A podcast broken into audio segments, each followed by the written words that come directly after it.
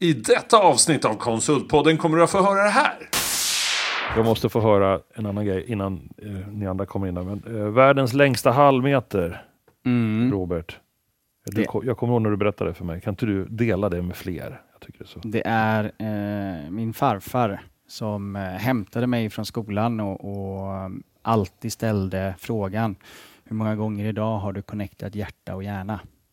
Mm. Eh, och i början så tyckte man ju så här, vad pratar han om? Jag hade ingen aning om vad gubben pratade om. Eh, och det refererade farfar efteråt som världens längsta halvmeter, det vill säga mellan hjärta och hjärna. Ju oftare du connectar dem, desto bättre blir det.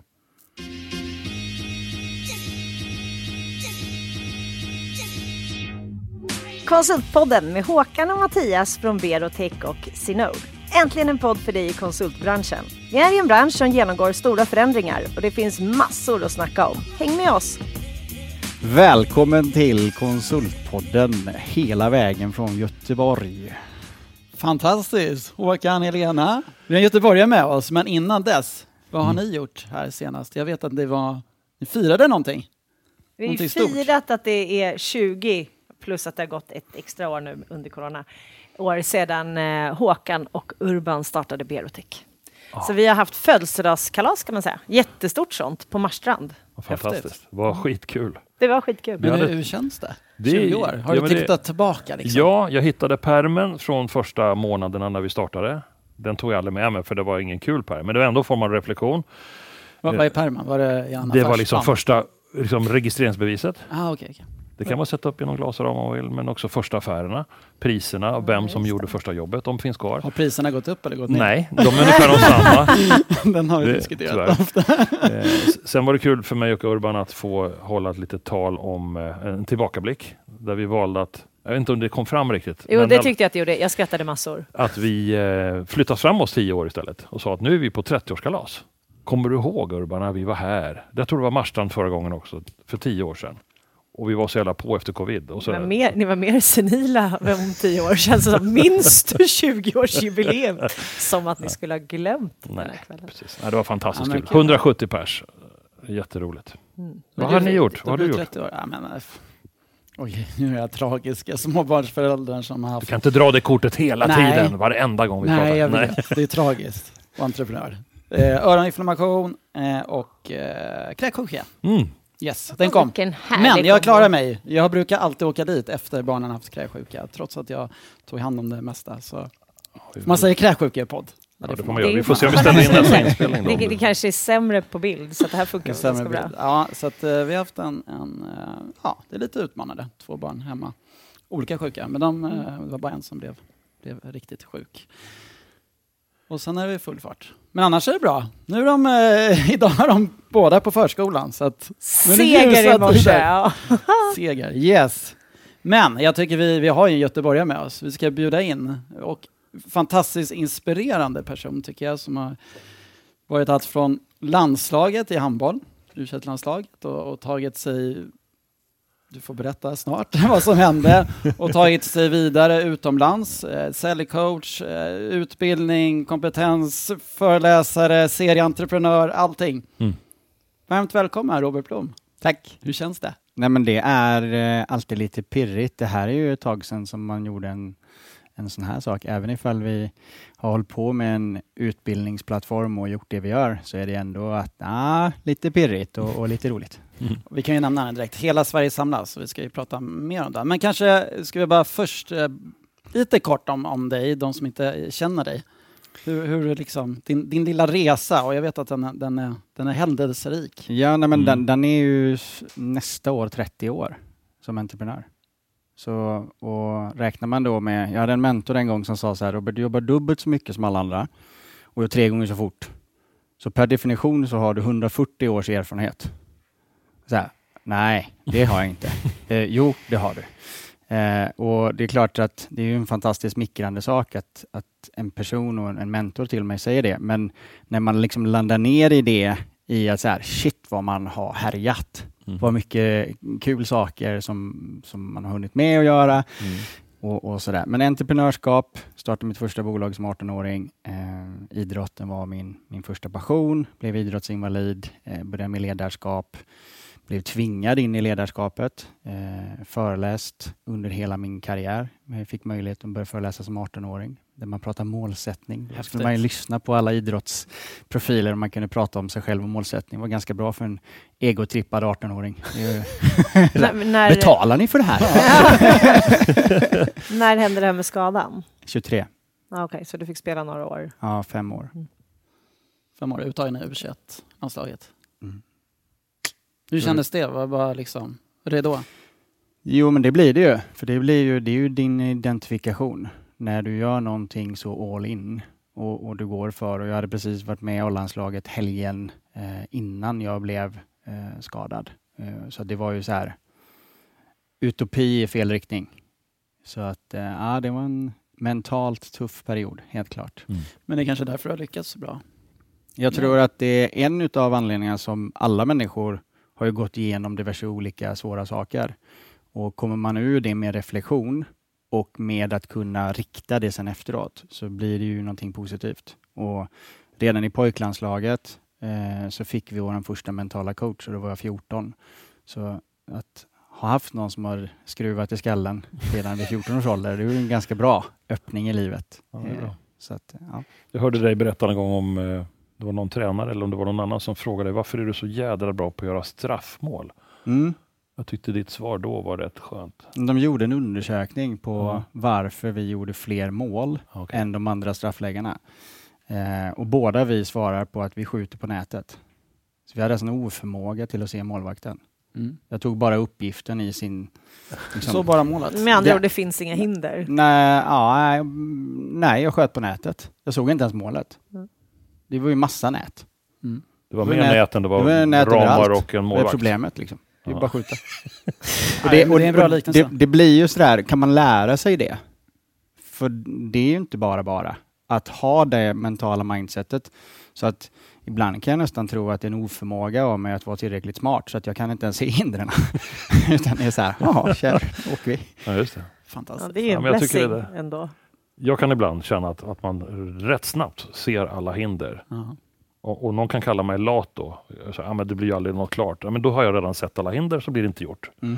Och det känns ju som Robert här, liksom, nej, de finns inte ens. Fast du är ju också snabb på att våga sätta igång massa idéer. Jo, det gör jag, så att någonstans går det väl bra ändå. Men jag kan bara själv känna att det, det är lätt att man bygger spöken runt sig. Ja, men jag, för jag tänker just i Beroteks fall, då har ju du haft Urban då som motpolen som Han säger har sett hinder där. Han, det finns en jätterolig film som man kan titta på om man googlar Berotech, men Ja. där Urban säger det här kommer aldrig att gå. och så är Håkan liksom åt andra hållet och tror att ja, men det här kommer visst funka, vi kör eget och det är ingen som har hört om det här förut och det är ett annat Ja, men då konsultbolag. är ni ganska lika. Vi kanske är det. Kanske är det. Mm. Men säljcoach och sen eh, så var du föreläsare.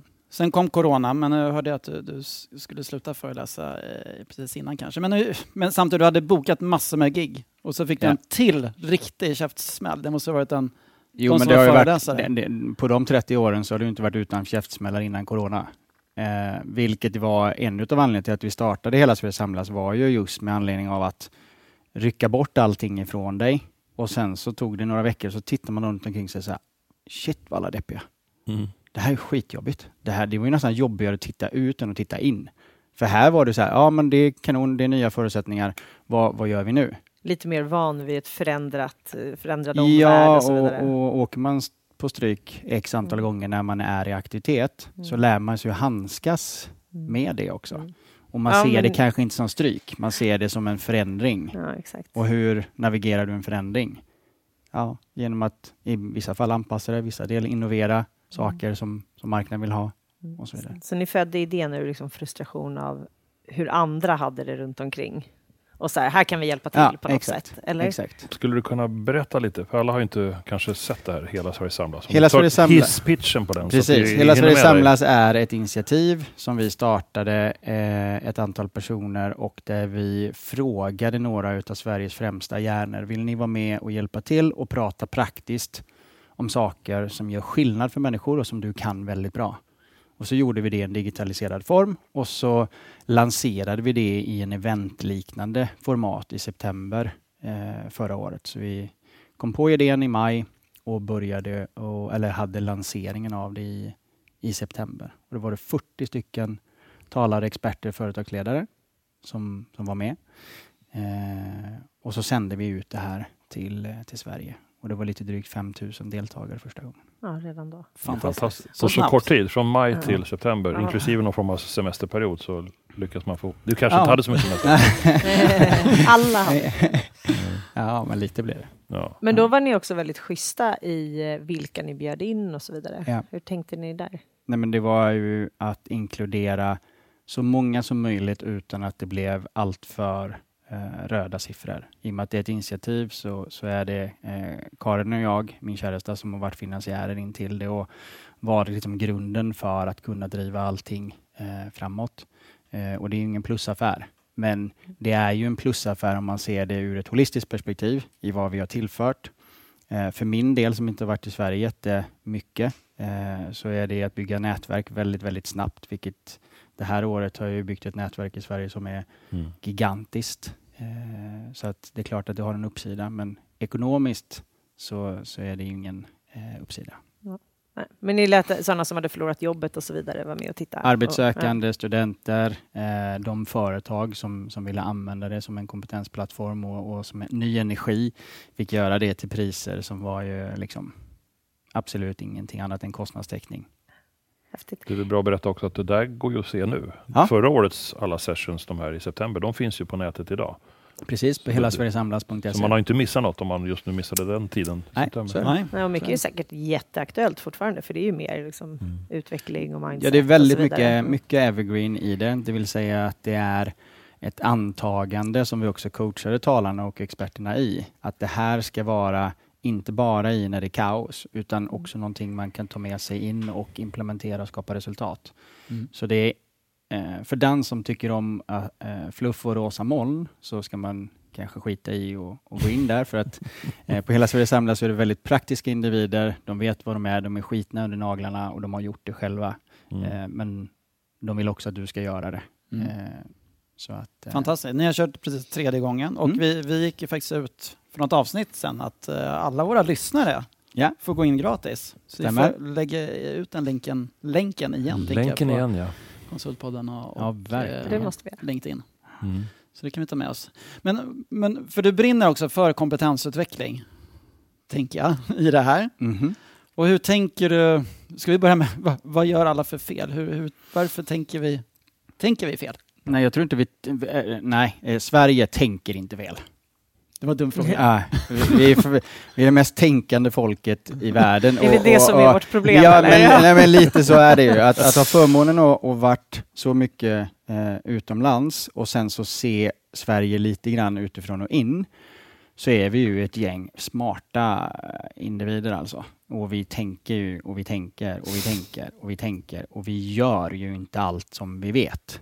Och det är väl lite av, av det som har blivit ett mission med Hela Sverige samlas och vad som också alltid har varit om man köper in mig som coach eller som företags liksom någon form av in i ett advisory board eller liknande så är jag ju den personen som är jobbig och tar Mm. det från ett vetande till ett görande eh, och sätter saker och ting i, i perspektiv. Så att, mm. Om du skulle måla upp eh, framtiden, vi pratar ju om det går så snabbt nu, allting blir specialiserat, kompetenser försvinner, det kommer till, tillkommer nya och så vidare. Hur, hur- ser framtiden ut för arbetsmarknaden, för en arbetstagare? Oj.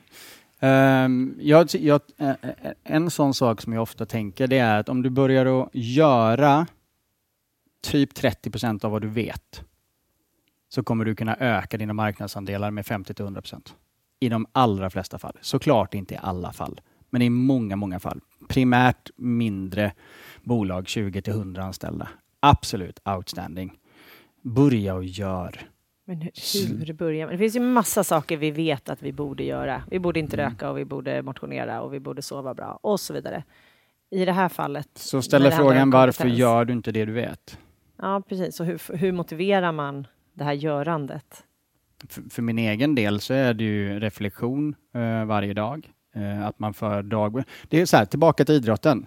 Om det var så att min ambition var att jag skulle bli X, Y, Z bäst i en idrott. Mm.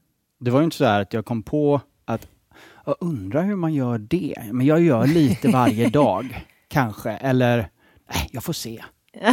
Man sätter upp en plan, man sätter upp en målsättning. Mm. Man tar riktning för vilka är det som är bäst. Hur kan jag kopiera delar av det de gör? Hur kan jag vara innovativ i, i det jag gör? Det är ju ingen skillnad på, på business. Det är exakt samma sak. Det är bara det att vi har någon form av syndrom av, och nu är man ju så här tillbaka i Sverige, men, ja, men det är jante. Nej, fast lite grann i den riktningen är det ju. Vi, att vi, vi är reserverade, vi är rädda, vi, vi, vi tar inte den platsen som vi kanske eh, kunden skulle vilja att vi gjorde, för, för rädslan av att och så vidare. och Så vidare. Och det är, så kompetensutveckling är, gör 30 procent av vad du vet, så kommer du ta 50 till 100 procent marknad, nya marknadsandelar. Mm, det gäller ju konsultbranschen framför allt, skulle jag säga. Absolut, Jo, den jo. branschen. För där är det så här, nej, jag är ingen säljare. Vad, vad, men men, men hur, hur ska man driva en business utan sälj? Det blir jättekonstigt. Ja, men vi har andra som säljer. Ja, fast det är ju du som är on-site. Det är du som lyssnar in. Det är du som hör. Det är du som vet. Så nyttja den informationen inåt för att stärka kunderbjudandet och stärka leveransen. Men finns det liksom inte en missuppfattning då i vad som är sälj? Jag tänker att det blir väldigt jobbigt för konsulter när man tänker så här, jag ska gå och, ta ett säljmöte och jag ska skicka en offert och göra de här klassiska liksom, säljdelarna. Men du säljer ju Men du- varenda gång du går in i dörren så säljer Ja du. men exakt, men jag tror att det är det man kanske inte riktigt förstår då, att om man lyssnar och pratar och kanske kommer med något förslag och är liksom men- allmänt service-minded, så kanske det finns något sälj i det. Men vi är väl för smarta för att, att säga att sälj är cold calling och eh, sälja på knacka dörr. Mm. Det, alltså, om vi nu är så smarta som vi är, då kan vi ju inte associera sälj med det. Jag, vet, jag, jag inbillar mig att det ändå är så man associerar det. Fast då är vi inte så smarta som vi tror. Okej, då gör vi det tydligt i alla fall. Sälj inte, knacka dörr. Eller cold calling. Nej, Nej. sälj bara vara en schysst eh, person som lyssnar. Ja, och ta, ta med sig det. Men vi pratar ju jättemycket det när vi är ute med, med Synode också. Vi har några kunder som är superduktiga, där alla är säljare i organisationen. Mm. Där alla kan gå in och lägga in ett lead och liksom se vem som skulle passa till, Mm. till mitt uppdrag som jag är ute hos kunden och, och prata med kunden direkt och fånga upp alla de här små sakerna. Ja, men då gissar jag på att det är vissa, alla kan, men alla gör kanske inte det, utan det är vissa konsulter som tar på sig den. Men du får inte med dig riktigt alla, eller? Ja, men de har ändå skapat, de bolagen som har, de har skapat en sån kultur ändå. Ja, okej. De har en stolthet, man behöver inte ha någon bonus eller något, utan du får en stolthet över att du är med i säljet och driver affären. Ja, vi driver, Alltså de konsultbolagen ju, som har lyckats med, med det där. ja. Man driver ju verksamheten tillsammans oavsett ens roll. Jag tänkte fråga en grej, tillbaka till kompetensutveckling. Till dig Mattias och Helena, hur, hur, mycket, hur mycket tid per år lägger ni ner på kompetensutveckling själva? Jag har nog aldrig räknat per år. Nej. Men om man, om man kan klassa kompetensutveckling som att lyssna på en podd och gå på någon typ av utbildning och sen kanske någon så stor liksom, konferensdag. Mm. Ja, jag kan inte gissa i timmar, men alla de grejerna gör jag ju Ja, det gör ganska du. Det är ju mycket bra. ändå. Det är bra. Mattias då? Jo, jag går på en, en del uh, konferenser. Jag hade Mm. uh, SAS Summit förra veckan. Jag går en uh, marknadsföringsutbildning just nu. Ja. Jag läser mycket. Nej, vad roligt. eh, Vad är det? ja, en CMO-utbildning, Breakit. Fick de lite reklam här också. Mm. Eh, jag läser mycket och så vidare. Men, men, eh, men, men ja, det, gäller att ta sig tid. Och det är det jag tror att Robert är inne på en, Precis. på en bra Ja. sak. Att jag, jag skulle kunna ta mig ännu mer tid och, och verkligen avsätta Mm. tid. För det är väl kanske det man måste göra och även som ledare tänker jag Robert. Hur, hur ska man agera? Få sina medarbetare att ta sig tid och sätta det här på agendan. Att du, du måste ta 30 minuter varje dag. Jag tror du behöver befästa målet först. Vad är det, eh, vad är det som vi vill uppnå med det? För om inte det individuella målet finns med som en del av drivkraften när du ska skapa ett självledarskap, då kommer det bara bli tomma eh, så här, försök till att skicka igång någon och, och att ditt chefskap alternativt ledarskap är att det kanske ger energi till personen när du finns där, men när du inte finns där så är det inte självgående. Och, och är det någonting som kostar pengar i Sverige i företag så är det just att självledarskapet är så lågt. För vi har en, en belief över att det är ledarskap och chefskap som ska driva verksamheterna framåt. Och Mm. här tror jag att, att i ett medarbetarsamtal, i målstyrningen, att hela tiden koppla det individuella målet till det holistiska målet för bolaget och få dem i synk är någonting som skapar drivkraft hos personer. Det ökar eh, tiden som du får behålla personen som, som anställd, för de är, alla anställda är till låns. De är på hyra på, på tid som vi inte känner till. Eh, och ju längre vi kan ha det och ju bättre kvalitet det kan bli, desto, desto mer är det. Och jag tycker inte att det är tiden som vi lägger på kompetensutveckling som är den viktigaste, utan det är hur mycket av det vi lär oss är det som vi alltså implementerar och skapar nya resultat ifrån. Det är ju Mm. det som är det relevanta. Annars så kan man ju bli skittrött på sig själv. Lägger en jädra massa tid. Och så blir det ingen hockey av det. Nej, Mm. Så här, Nej, men det är sant. Du tror 17 att du inte vill göra det igen. Det ger ju ingenting. Vad, vad är nycklarna? Är det att fokusera på, för det är väl det vi jobbar med, OKR? Känner ni till? Absolut. Att fokusera på få saker. Vad är OKR? Object Key Results. Ja. Alltså vi sätter upp Ja, vi sätter övergripande företagsmål och sen har vi per liksom, department. Vi är inte inne på, ner på individen, men det, det kommer väl, det är väl nästa steg. Liksom. Så att under det här kvartalet så har vi de här Mm. Styrande målen som vi, som vi sätter. Men- om, men om jag pratar gammal konsultsvenska då, så är det så att förr i tiden då när jag var någon form av säljare eller konsultchef så, så blev det någon form av terrorbalans mellan den anställde och mig att vi skulle ha ett utvecklingssamtal. Det var jävligt viktigt att ha en gång om året. Fast det var ju mer ett lönesamtal. Ja, men det fick inte kallas det. Det var Nej. skitviktigt att det inte var lönesamtal. Och så skulle vi diskutera mål och det, det var jävligt dåligt förberett av mig och det fanns liksom ingen gemensam ambition heller utan man tickade av. Ja, men du får gå, vi är överens om att vi går en kurs i något som säkert ska passa nästa kund. Tänk om du skulle göra så i idrott. Ja, jag inser ju det nu Robert. Var, åh, var nej, men fanns inte du i mitt liv för 20 år sedan? en gång per år, då sitter vi ner här tillsammans. ja, och då ska vi ta ut riktningen för vad vi ska göra här. Och däremellan springer du ganska Ja, mycket. precis. Ja, men jag tror att så, Vilka är det som gör det? Alltså om vi ska raljera lite grann. Vilka i en idrottsmetafor är det som gör det? Korpen. mm, Det är då inte de som spelar i Allsvenskan. nej.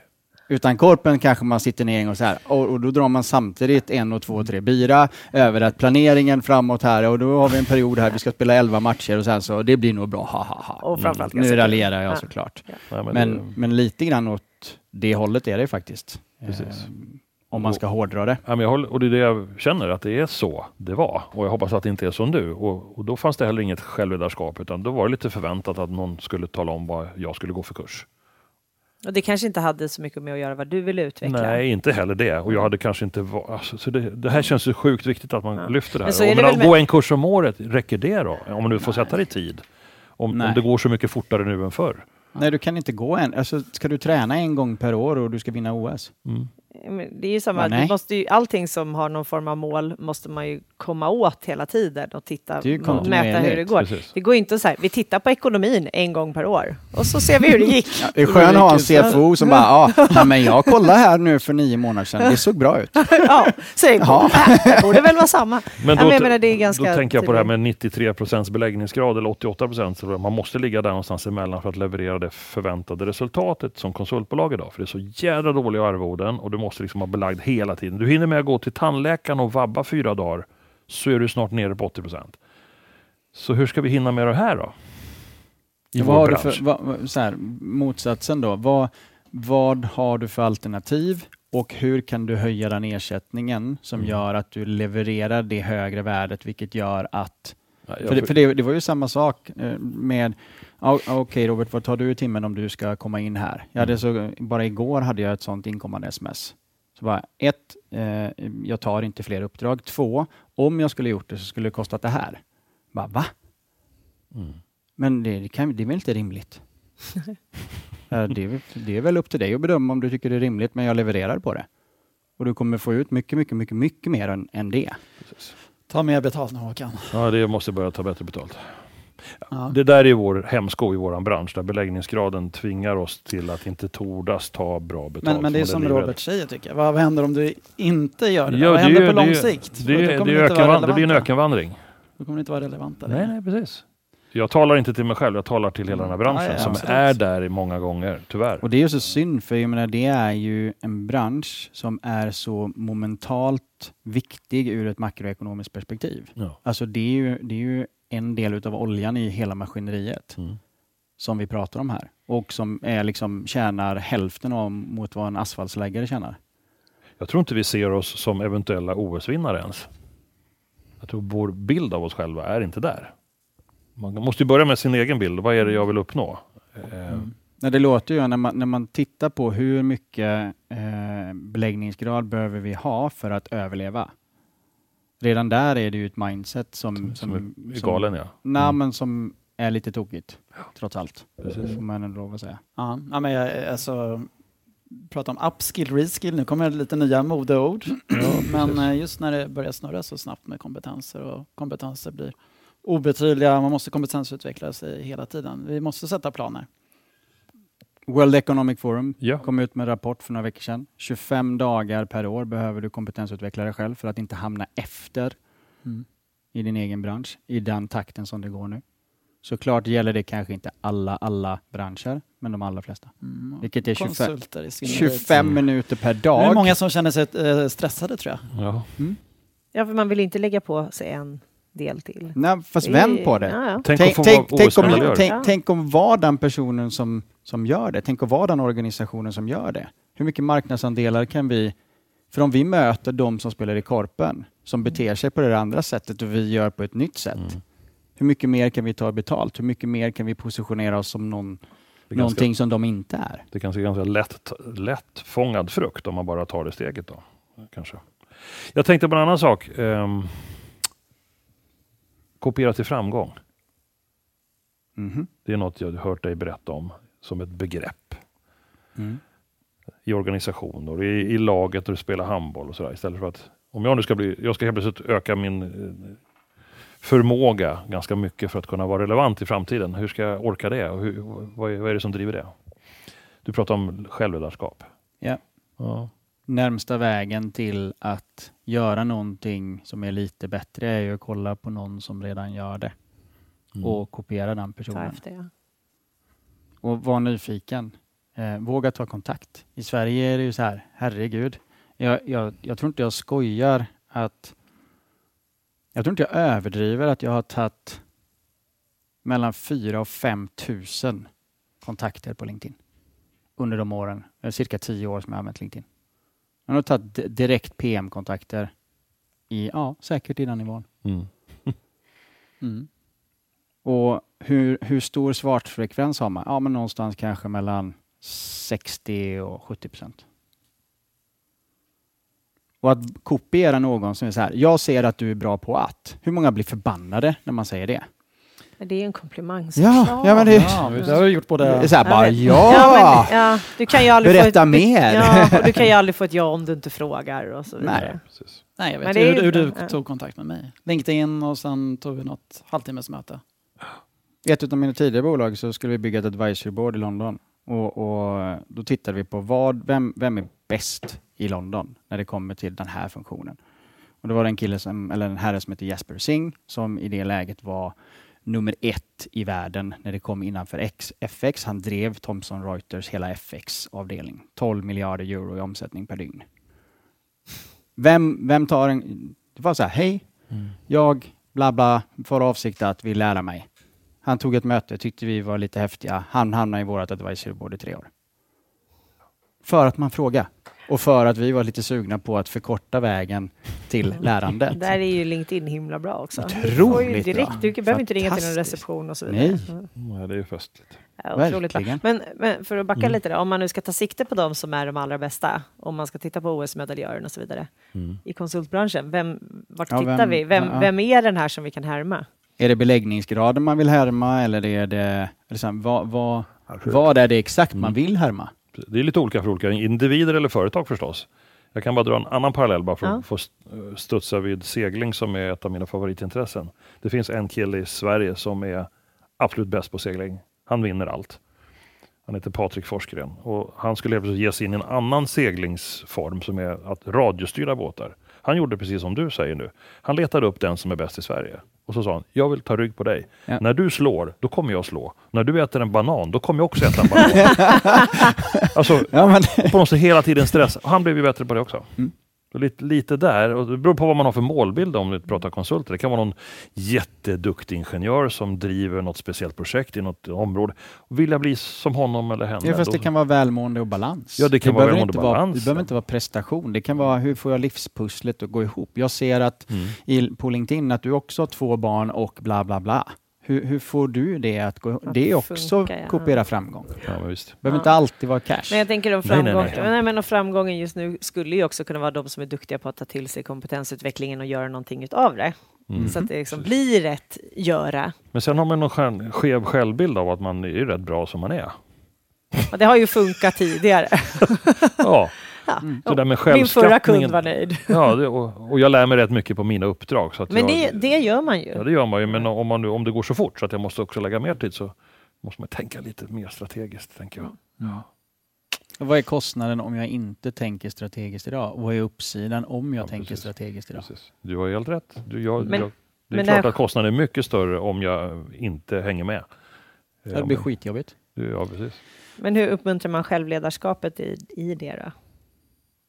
Jag tror att... jobba? Vad har du sett i andra Nej, men, länder? eh, en del är ju, och som är väldigt, väldigt vanligt. Jag mm, kommer specifikt ihåg ett möte som, som var i, i, på ett möte i USA. Och då var det What's the cost of no action? Mm.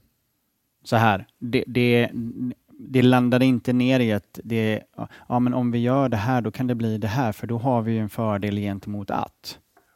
Utan det blev ju sådär, för där är, har man ju en kultur över, gör man fel så får man sparken.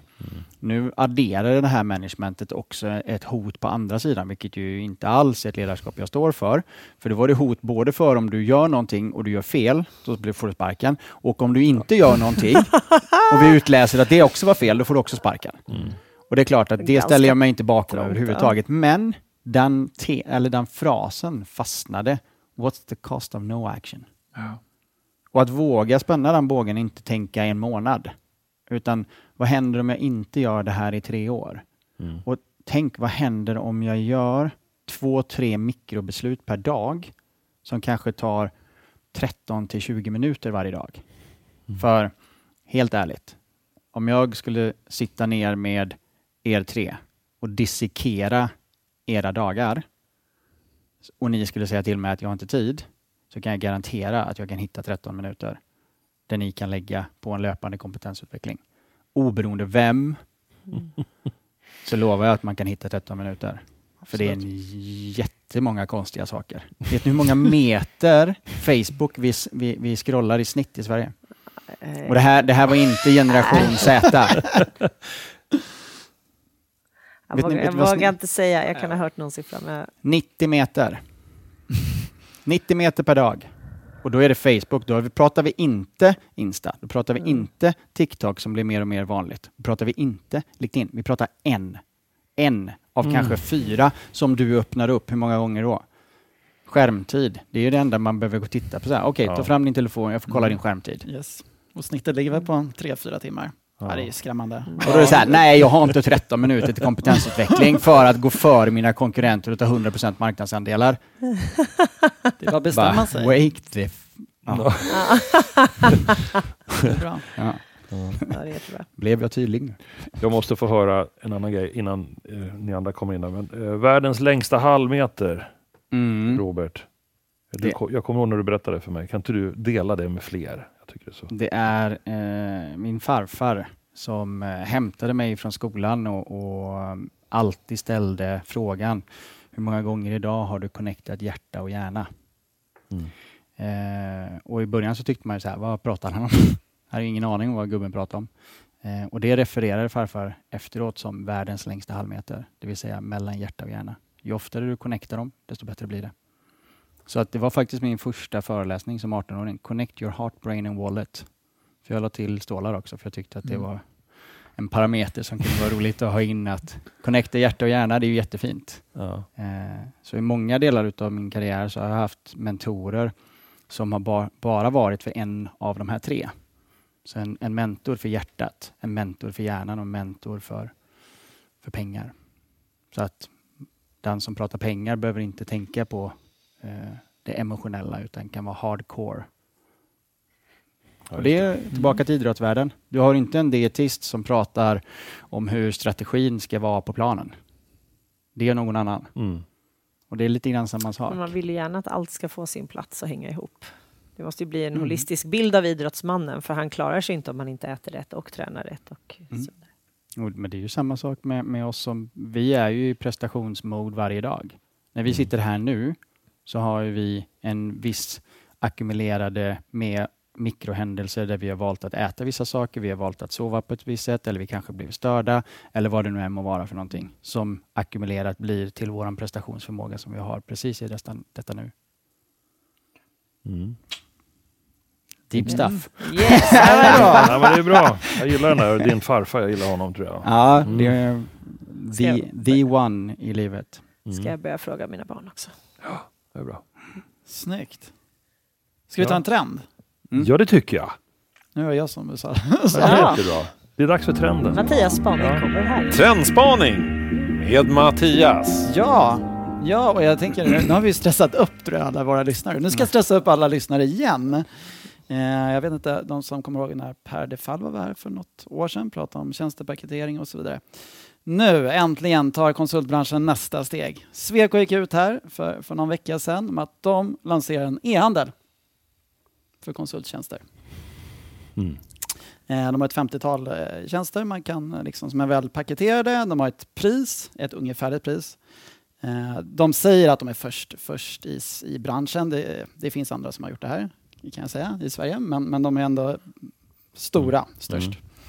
Eh, och eh, ja, Man får gå in och, och kan klicka liksom och, och säga att man är intresserad. Så man är inte, det, är inte, det är inte en kundvagn än att trycka kreditkort och betala. Ja, Men det är ändå väl paketerat och det känns ju som eh, framtiden. Den Håkan? nya generationen vill, vill kanske inte bara ringa ett, ett konsultbolag och säga jag behöver hjälp med det här utan vill Nej, se nej, att nej, ja, nej. det här har ni som en tjänst, det kostar ungefär det här. Det kommer landa ungefär på. Säljarna får det svårare och svårare att vara relevanta och liksom Ja. behövas. Men eh, Håkan pratade ju om det här redan när jag träffade dig första gången som Mm. var tidigt 2015. Då pratade du om att du ville göra som en webbshop lite mer på konsultnivå än på Mm. liksom hela paketeringsnivån. Precis, precis. Men för att det skulle, man skulle få veta mycket mer om Ja men det gör ni. Ni är det- av ja. Ja, våra men vi framstående försöker- kunder och visar upp på webbsidan. Ja, men det, gör- det gör vi Ja. absolut. Det har vi gjort otroligt länge. Men man skulle kunna liksom göra ännu mer av Mm. Beställningsförfarandet och hur, hur vägen in till den konsulten och så vidare. Vad säger Robert? Det Ja, känns som att, ändå, att det det, kommer att händer. hända saker. Jag tror att, Ja, det tror jag. Det, det som jag är förvånad att någon inte har gjort, det är att sälja resultatet. För mig är ju det en del som ofta sker när det kommer till produkter och kan man sälja resultatet så är det ju att okej, men då behöver du det här. Mm. Här är oftast en väldigt produktifierad förklaring över att det här är produkten och det är det här du köper. Mm. Men jag tror att vi snart börjar bli redo för att, att köpa resultatet. Yes. Och sen så backar man bandet över att Mm. okej, bra. För Vad då har du behovsanalysen som redan kunden har gett i första läget. Och Precis. det är spännande tror jag. Mm.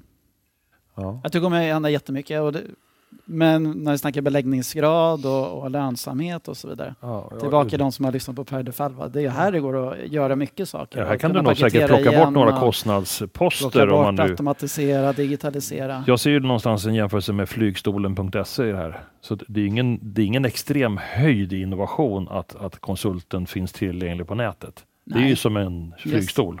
Men skillnaden med flygstolen är att du kan nu till och med välja att du ska åka till Barcelona och du vet vad resultatet är. Så du köper ju resan men du använder flygstolen som bäraren för dig.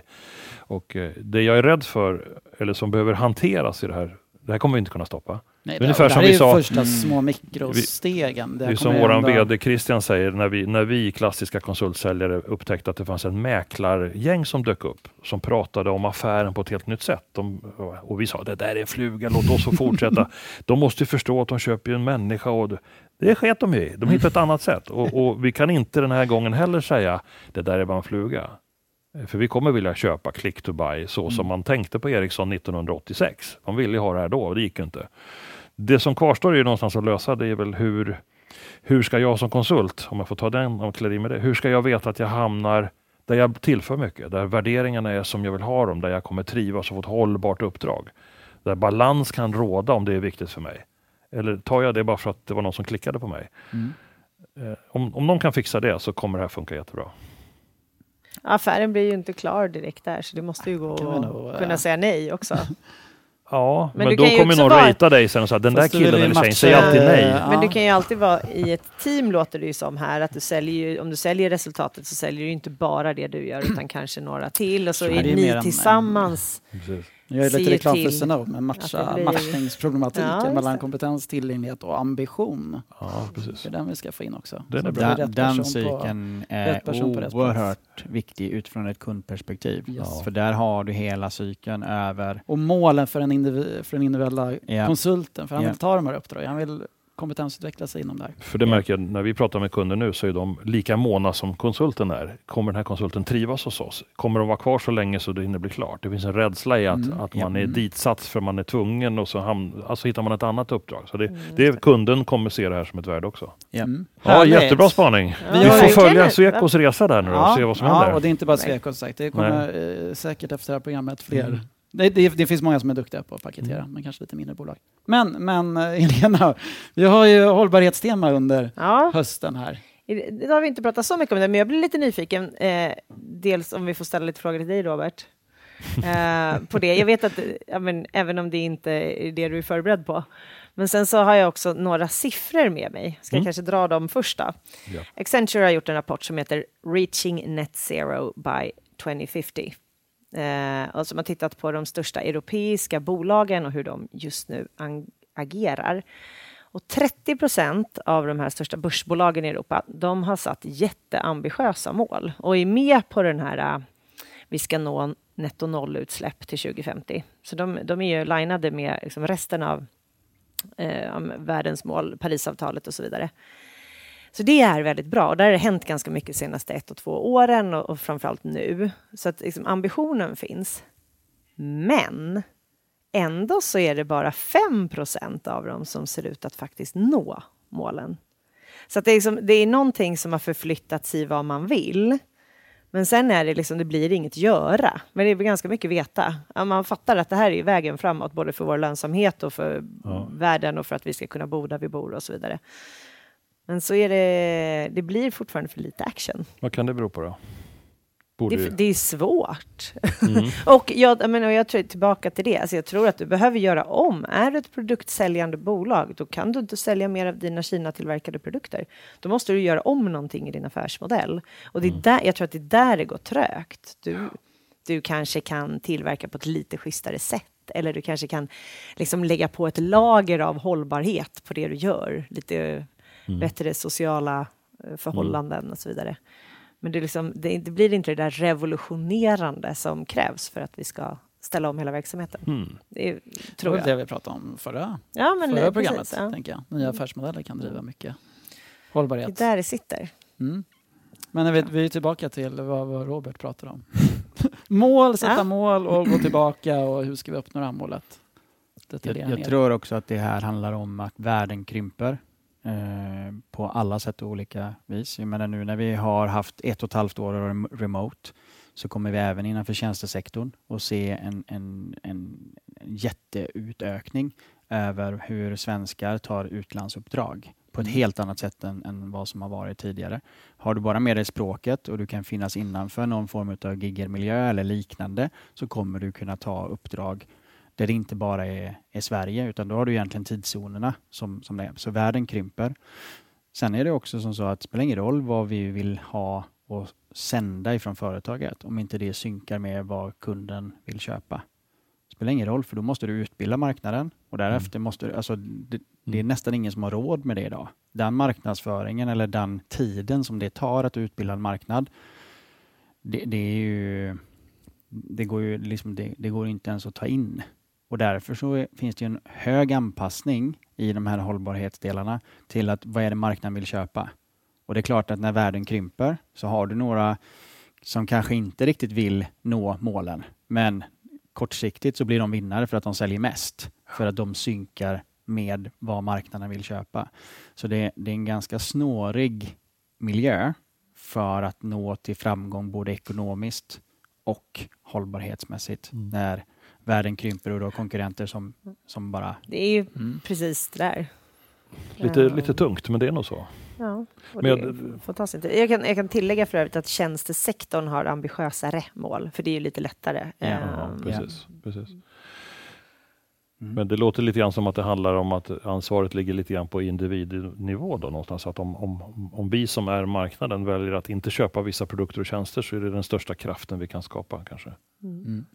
Mm. Eh, och då kommer vi återigen till självledarskapet. Då. Mhm. Är, är, det, är det rimligt att tro att, att vi kan väcka fram en starkare självledarskap i, i med underscore liksom hållbarhetsfrågan? Ja, när du, trigg, när, ja, när du triggar egot i det. Ja, det, vad, what's du- in it for me ja, där. Självledarskapet blir aldrig drivande i sig själv om du inte kopplar på egot. Ja, just det. Så att, Du- Då tänker jag på det, ditt engelska uttryck du nyss berättade om att eh, vad, vad, vad kostar det om vi inte gör något? Ja. Den frågan måste jag ställa mig varje dag. Då. Vad kostar det oss som jordklot om inte Ja, här jag finns gör det ju mitt väldigt vid- tydliga svar på den frågan. Ja. jag, jag tror att det är, det är en del där man... Det, det är väldigt få förunnat individer som eh, klarar av att sätta ett hot till sig själv Mm. som är konkret. Vad är, vad är kostnaden för mig om jag inte gör det här? Dra den till en treårs timeline Mm. och se på det konkret. Det är, alltså, jag tror det är en på tusen som kanske skulle göra en sån sak. Men om man gör det Mm och gör verkligen den exercisen och så ser man sen att vilka möjligheter är det som kommer i att de andra 999 som eventuellt gör en konkurrent till inte gör det här. Vilken möjlighet är det? Så att hotbilden, att ge hotet till mig själv, om jag inte gör det här, vad händer då? Och sen gå all in i att säga, ja men då blir det det här och det här och det vill jag inte ha. Och sen så spela tillbaka till en nutid som säger att självledarskapet som jag ska ha till mig själv idag, imorgon, nästa dag och så vidare och så vidare kommer att generera det resultatet som jag vill ha om tre år. Så att man inte hela tiden lever i visionen framtiden längre fram i sitt självledarskap. Den andra delen på självledarskap tror jag personligen är att vi, vi är lite lata. Vi är lite, eh, alltså vi har ett ego i oss. Mm. Vi har en överlevnadsinstinkt i oss. Och får inte de här två en skön symbios så att jag förstår att det här borde jag vara rädd för och att jag förstår att det här är det som driver mig framåt. När du får de två till att synka i en plan, då kan du mer eller mindre Mm. slå vilken konkurrens som helst i vilken bransch som helst. Mm. Och det är ju det som någonstans Hela Sverige samlas handlar om. Ja. Att tillgängliggöra smarta människor som praktiskt har kryssat kaos och som ger av det i paketerad form 20-25 minuter. Typ TED-talks på svenska, men Mm. med en praktisk ton över hur kan du implementera och skapa resultat från det här. Det var ju det vi ville åstadkomma Mm. där i maj 2020 när alla liksom tittar, vad, vad håller du på med nu? alltså, kan du inte bara slappna av någon gång? Liksom? Ja, det är Men bra det gick ju jobbat. ganska bra. Det gick ju jävligt bra. Fantastiskt. Ja. Och, och apropå hela sam eh, Sverige samlas i det här. Mm. Har ni märkt av liksom, en annan efterfrågan på liksom, föreläsare som jobbar mer med hållbarhet på något sätt? Har ni liksom, ett annat utbud den här tredje gången mot vad ni hade i början? Jag tycker att det händer ändå ganska mycket attitydsmässigt runt omkring oss i samhället. Jag skulle nog vilja säga att var och en utav respektive eh, företagsledare eller experter eller talare eh, angränsar mer på det ämnet innanför sin egen expertis. Just det, det blir inget För, håll- eget område. för det blir nej. integrerat innanför nästan oavsett vad det än är. Det är bra Eh, tycker det- jag. det- och det är ju det bästa, för det Yes. kan inte bara vara ett klimatspår Nej. som man går, utan det Ex- ska ju vara integrerat. Och det är det Exakt. eh, FN-målen går ut på också. Det är ju liksom Mm. allt i en stor... Ja, men hållbarhet, men så här, hur kan du vakna lycklig varje dag? Ja. Är det hållbart? Ja, det hade det ju varit. Är det en utopi? Ja, absolut. när, när valpen hemma vaknar klockan är, är liksom 24 och man ska gå upp och, och så här, det är... Nej. Den här Ja, och Och då har den bitit sönder annat. hela den nya soffan också. innan du hinner gå. Ja. Jag hade ju tre barn, jag behövde inte ett till liksom. Ja, jättespännande. Väldigt inspirerande tänker jag. Ja, Och väldigt tänkvärt. Ja, verkligen. Lena och Håkan, vad tar ni med er? Det, det jag tar med mig, det är ju att jag vill se mig själv som en framtida OS-vinnare. Jag har aldrig tänkt så. För om jag gör det, oavsett i vilket ämne jag vill vinna, vinna själv, jag behöver inte vinna någon, då, blir jag, då kommer jag göra en plan. Du ska vinna, du har varit med i VM i segling. Fy fan, det ska var vara med världens- i OS i segling. Det var världens plan. Vi hade liksom strukturerat allting. Vi tränade på vissa moment för att bli bättre och reflekterade efter varje övning. Men i mitt jobb, det sker sjukt sällan. Så det är liksom det, tack för det Robert. Det är ju en ganska enkel grej att ta till sig. Sen jag ska jag försöka göra det också. Det är mitt, min, min take den här gången. Vad nu, tänker nu, du nu Mattias? gör vi, ja men reflektion, vi pratar ju alltid om det men ja, eh, yes, gör. reflektion. Gör! Då, då måste nästan jag eh, outa första gången eh, publikt överhuvudtaget. Allting det här som, som ni pratar om nu kommer vi att lansera i januari på en plattform som skapar självledarskap, eh, både skapar det, vidhåller det och, och tar det framåt. Så att eh, Oh. be ready! Be ready. Vi, vi brukar säga det här att eh, glöm inte var ni hörde det här. Ah, det är inte första gången vi premiär. Nej. Ja. Men vad spännande, då får vi följa dig där Robert lite grann till vår, ja tidig Januari, då. januari så Ja. Ja. releasar vi i Sverige och sen så vidare ut i världen senare. Mm. Men eh, ja, det är många av de här takesen som vi har här som behöver en systematisering, som behöver en botten, som behöver en grund där man behöver Mm. någonting, precis som ni gjorde med seglingen. Mm. Så behöver man ju kanske skriva ner de där målen, Absolut. man behöver få en Ja. uppföljning på dem, man Ja. behöver och så vidare. Eh, det där har vi, lanserar vi i januari. Spännande. Otroligt bra. Helena, vad tar du med dig då? Ja, men det är ju samma som ni Ja. säger, att jag eh, behöver reflektera över mina egna mål och sen så följer jag upp dem mot mig själv i alla fall. Eh, kanske lite oftare än vad jag gör, jag brukar sätta någon typ av halvårs annars. Men också att allt det här som jag lyssnar på och gör och försöker lära mig, att det ska bli någonting också. För det spelar ingen roll om det bara ligger kvar hos mig, utan det måste ju bli en action i det. Det, det måste göras helt enkelt. Och att det finns en liksom, brutal kraft, en exponentiell kraft i, Ja. om jag lär mig lite grann och liksom applicerar det och så lite till. Slå in ränta på så- ränta, 1% Ja, men varje exakt, dag. det blir en ränta Yes. på ränta-effekt i det, Så- ja. Yes. Ja. Så är det liksom, wow. Jäklar, kolla mig om fem år. Mm. Och så gör vi lite, ja men hela Sverige samlas. Alla lyssnare här har ju Mm. tillgång till det.